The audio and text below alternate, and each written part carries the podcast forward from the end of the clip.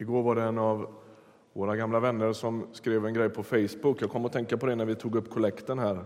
Han berättade att han hade bett sina småkillar att ta upp alla leksakerna från golvet. Så sa han okej, okay, de stod i vardagsrummet. Nu tar alla upp, var och en tar upp det som tillhör honom och så tar ni det till era rum.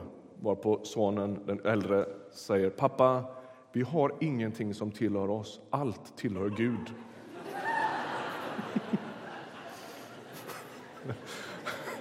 Ja. Vad svarar man på det? De ligger säkert kvar än, leksakerna. Ska vi be, ska vi be tillsammans? Herre, tack för att du är här. Tack för alla pengarna vi har fått samla in nu. Vi ber att de skulle få användas där de allra bäst behövs. Du ser hur vi önskar göra avtryck i vår stad. Vi önskar att människors liv faktiskt ska bli bättre. Att människor i alla åldrar ska få leva rikare liv, tryggare liv. Och Herre, använd det vi har samlat in nu för dina höga syftens skull. Och ge oss ett gott förvaltarskap. Vi ber att få handskas väl med detta. Jag vill också be för det vi ska säga nu. Vi ber att du ska dela ditt hjärta med oss, tala med oss i Jesu namn. Amen. De här nattvardssöndagarna då har vi valt att frångå våra serier som vi oftast försöker jobba med för att liksom göra som en egen liten serie av de här nattvardsgångarna. Och det är att, att, att få läsa Jesus texter om vad Jesus gjorde. Det är liksom vår plan, därför att vi tror att den där berättelsen måste vi hela tiden leva med. Vad är det Jesus gör? Hur är det han möter människor? Det är den story som faktiskt är själva evangeliet. När Markus ska inleda sitt evangelium så säger han här börjar evangeliet, här börjar glädjebudet och så berättar han historien om Jesus. Det är själva evangeliet och därför så väljer vi att göra det på de här söndagarna. Och idag skulle jag vilja ta med dig till Lukas kapitel 7. Lukas 7 och vers 11.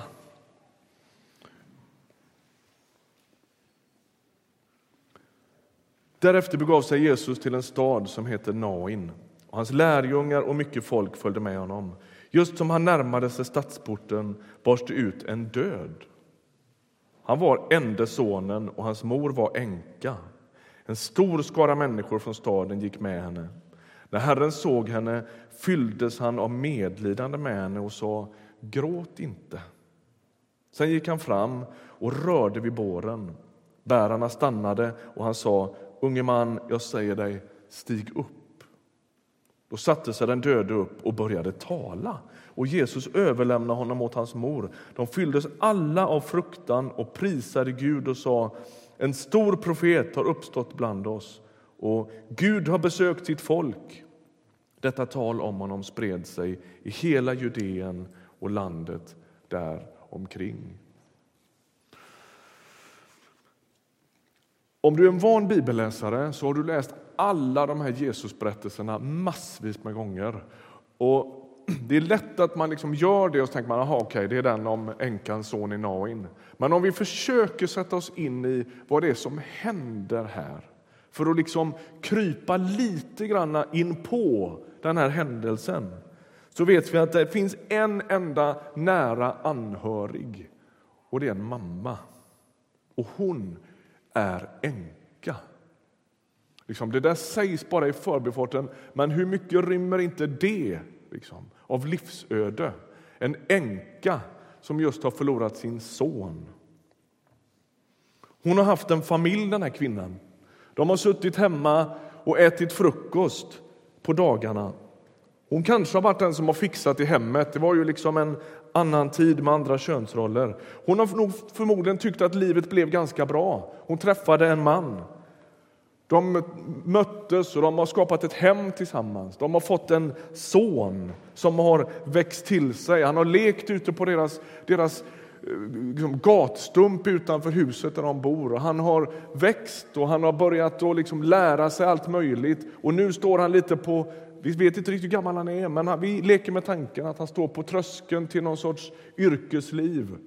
Han har tagit in som lite lärling hos en av hantverkarna i byn. Det går rätt så bra. Då avlider hennes man. Och man kan bara ana vilken sorg det är. En del av er som sitter här inne, ni förstår precis vad det betyder. Det är en bottenlös sorg. Och så stöttar mamman och sonen varandra och så kommer de över den där sorgen lite sakta. Så där sakta som det kan gå när man sörjer. Och då kommer katastrofen. Då dör hennes son, och vi vet inte hur. Men nu är han död. Och så går den här kvinnan i det här begravningståget på väg ut ur lilla staden Nain berövad på allt som var något värt. Ser du det? En, en berö, berövad och bedrövad kvinna. Och hon är hon har ingen man längre, hon har ingen son längre. Men det är också så, förutom den förlusten som alla nog kan förstå på något sätt eller ana, så är, lever hon i en tid när det inte finns några socialförsäkringssystem och när en kvinna inte ger sig ut i arbetsliv hur som helst. Att vara änka, det är oerhört utsatt. I Gamla testamentet så beskrivs änkan som en av de mest utsatta människorna i samhället. Man brukar prata, eller gång efter annan i Gamla testamentet så uppstår de här, den här trion, man talar om den hela tiden. Änka främlingen, den faderlöse och änkan. De står som en sorts samlingsbegrepp för det där som, som måste, liksom, man måste ta hand om. För det finns ingen som är så utsatt i det israeliska samhället som främlingen, den faderlöse och änkan. Det är därför man skapar lite små trygghetssystem där man inte får sopa rent i, i skördarna till exempel. Därför att efter skörden den tillfaller de mest utsatta. Så de går där och, och liksom plockar det som skördemännen lämnar. Det är det som händer i Nya testamentet vet ni, när Jesus undervisar om bön. Om du är bekant med den storyn. Han, han undervisar om bön och så tar han en liknelse om en änka som kommer till en orättfärdig domare och kräver sin rätt. Vad är det för rätt? Jo, det är rätten att överleva. Så, han, hon knackar på den där dörren därför att det finns en sorts liksom, system i samhället för att hon inte ska dö. Och Den orättfärdige domaren han vill inte ge henne det. Och Hon ger sig inte, och hon ligger på. Och Så berättar Jesus den där liknelsen för att beskriva hur man ska be. Ligg på, ge dig inte. Liksom. Så änkan som kommer ut ur Nain med det här begravningståget hon är en oerhört utsatt människa på många plan. Och så går de i den här processionen ut ur stan med dem finns professionella gråterskor. Det är väldigt avlägset för oss. Det är vi inte med om. Vi, för, hos oss är det ju oftast väldigt stilla och väldigt tyst i samband med dödsfall. Men under den här tiden i den här delen av världen så går det gråterskor med. Och det är inte så dumt egentligen. Därför att deras, av, deras, deras poäng är att de ska gå där och gråta och klaga högt så att inte den här stackars änkan som just har förlorat sin son ska liksom behöva bli publik med sin sorg. Hon ska kunna gömma sig hos dem. Liksom. Därför går de där. De har blommor med sig som luktar väldigt mycket och det är för att man ska liksom dölja den liklukt som finns. Och så går hon där tillsammans med kanske några vänner, några grannar. Och så plötsligt dyker det upp några vandrande främlingar med någon sorts bibellärare eller vad han nu är i spetsen. Och så kommer Jesus fram till den här änkan och det första han säger är gråt inte. Gör inte det. Och så går han fram och så gör Jesus undret. Det är ett märkligt under. Det står tydligt, när man läser Lukas så står det gång på gång lite såna där små grejer instuckna som jag tänker att han ser, men som inte alla ser. Han är nämligen läkare. Och Det är som att han liksom har lite annan blick för vissa saker. Då står det att Jesus går fram och så rör han vid den där båren. Och en judisk rabbin rör vid en död då är han rituellt oren. Det är verkligen no-no. Det får man inte göra. Men Jesus han, han är inte så ängslig för det där med de där reglerna utan han går fram och så rör han vid båren. Och då står det att, att bärarna stannar. Jag tror inte att de bara stannar för att Jesus säger stopp utan möjligen för att hela situationen fryser. En judisk rabbin som rör vid en död. Allt stannar, inte bara dem. Liksom. Vad händer nu? Det finns andra sådana här tillfällen när Jesus räcker ut sin hand och rör vid, vid spetälska och därmed liksom riskerar epidemier och pandemier och fruktansvärda katastrofer. Han går fram och rör vid människor som ingen annan rör vid. Här rör han vid båren, vid döden. Och så reser sig den här sonen från de döda. Det är ju en ganska märkvärdig text får man ju säga. I texten före så finns berättelsen om en officer vars tjänare blir botad. Och där är Jesus väldigt fascinerad av att den här officeren har så stor tro. Alltså, för officerarna säger jag har också människor under mig, jag kan också utfärda order och då lyder människor mig för jag är officer. Så säg bara ett ord så blir han frisk. Alltså han förstår, den här officeren, att Jesus är inte vem som helst. Honom lyder man, honom lyder makterna, honom lyder ondskan, honom lyder allt. Och han är så fascinerad av den här officerens tro. Men vem är det som har tro här? Är det någon som har det?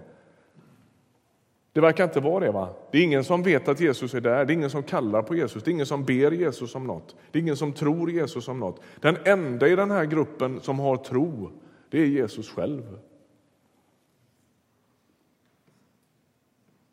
Han gillar ju att svara mot människors förväntan, på människors tro, på människors tillit. Det finns ett sånt spel liksom gång på gång i evangelierna, hur människor sätter sin tro till Jesus och han är så Ah, det är så härligt att få möta det, verkar han tycka. Här finns det ingen sån. Han är alltså inte bunden vid människors tro på det sättet, utan änkans son uppväcks av ett enda skäl. Och det är för att Jesus fylls av så mycket medlidande. Kanske det är så att Jesus står lite nära den här frågan för han har ju en mamma som är änka och som också ska förlora sin son. Och Han blir så berörd av den här situationen. Och så väcker han upp den här döde pojken.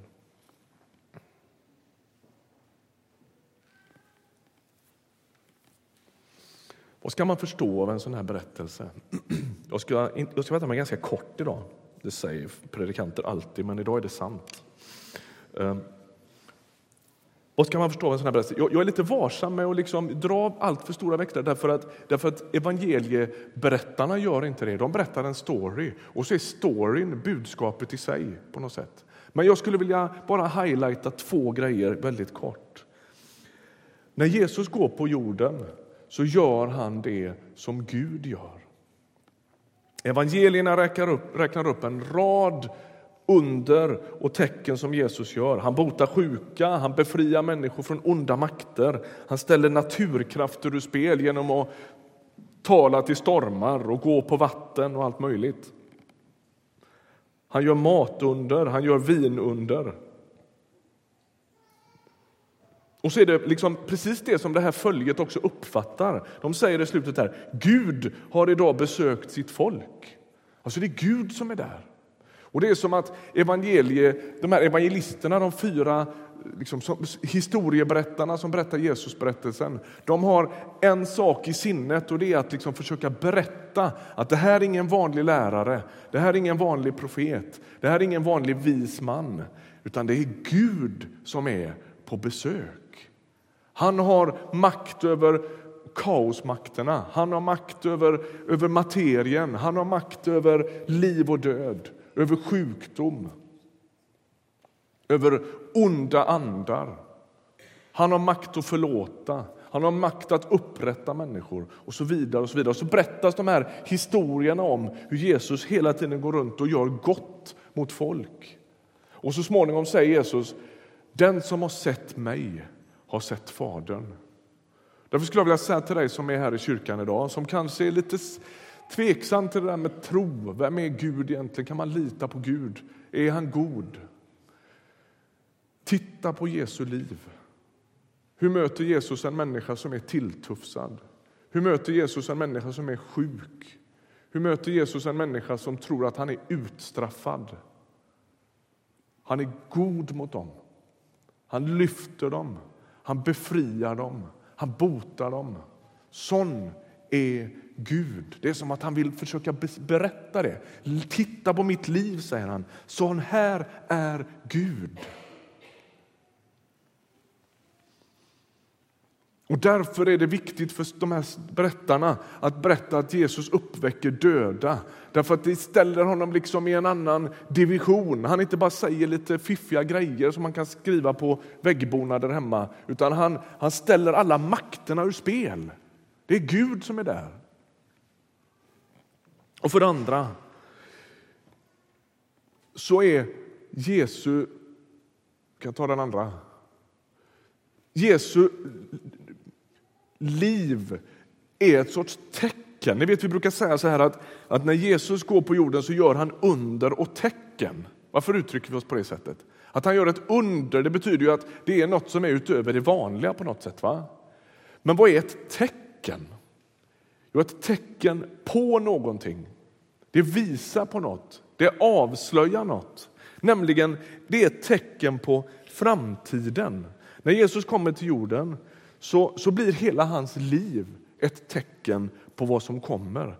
Ett tecken på hur det kommer att bli en dag. När änkans son i Nain uppväcks från döden så blir det ett tecken på vad som ska hända när döden slutligen besegras.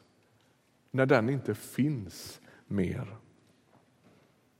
Varje under som sker på Jesu tid och i vår tid är ett tecken på vad som ska komma när allt blir fullkomligt. Hur blir det i himlen? Studera Jesu under. Där får du en ganska god hint om hur det blir i himlen.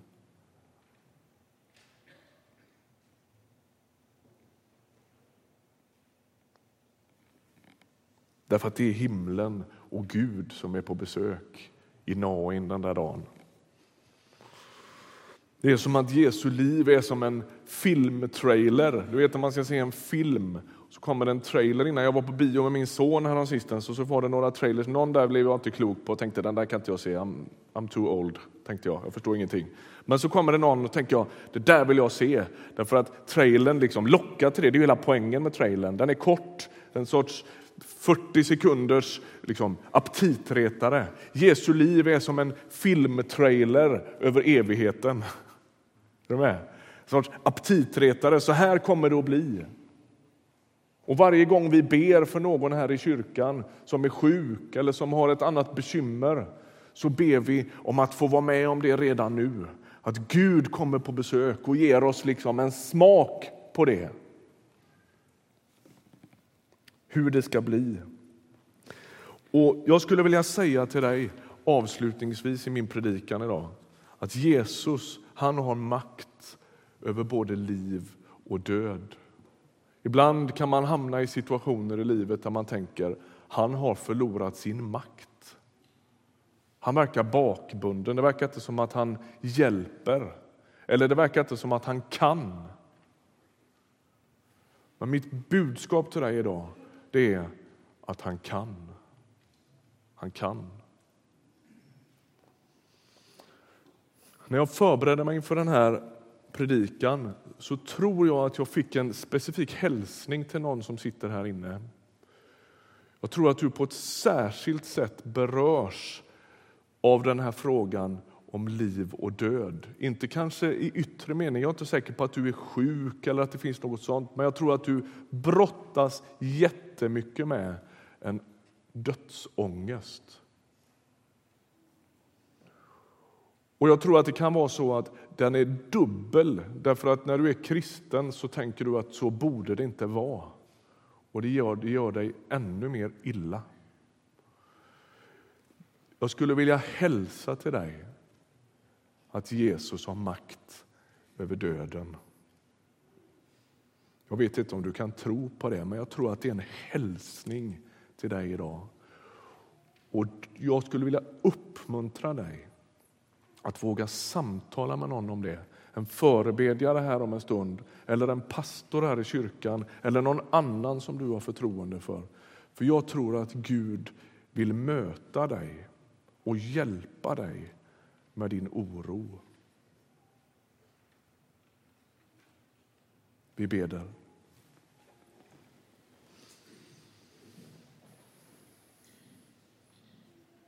Tack att du inte bara besökte Nain, utan du är också här. Gör vad du vill med oss. Möt oss med din kraft. Möt oss med ditt helande.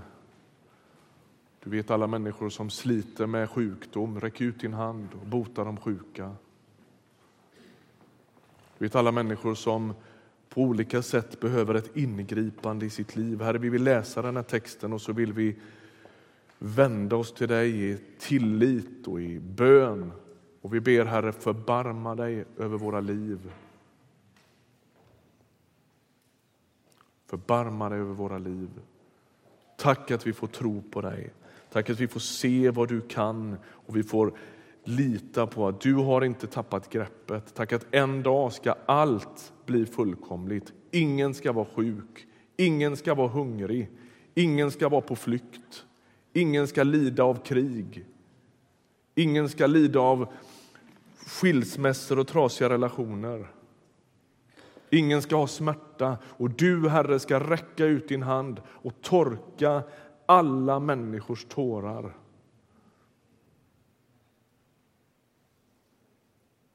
Tack att du hör bön. Tack att du har makt. Amen.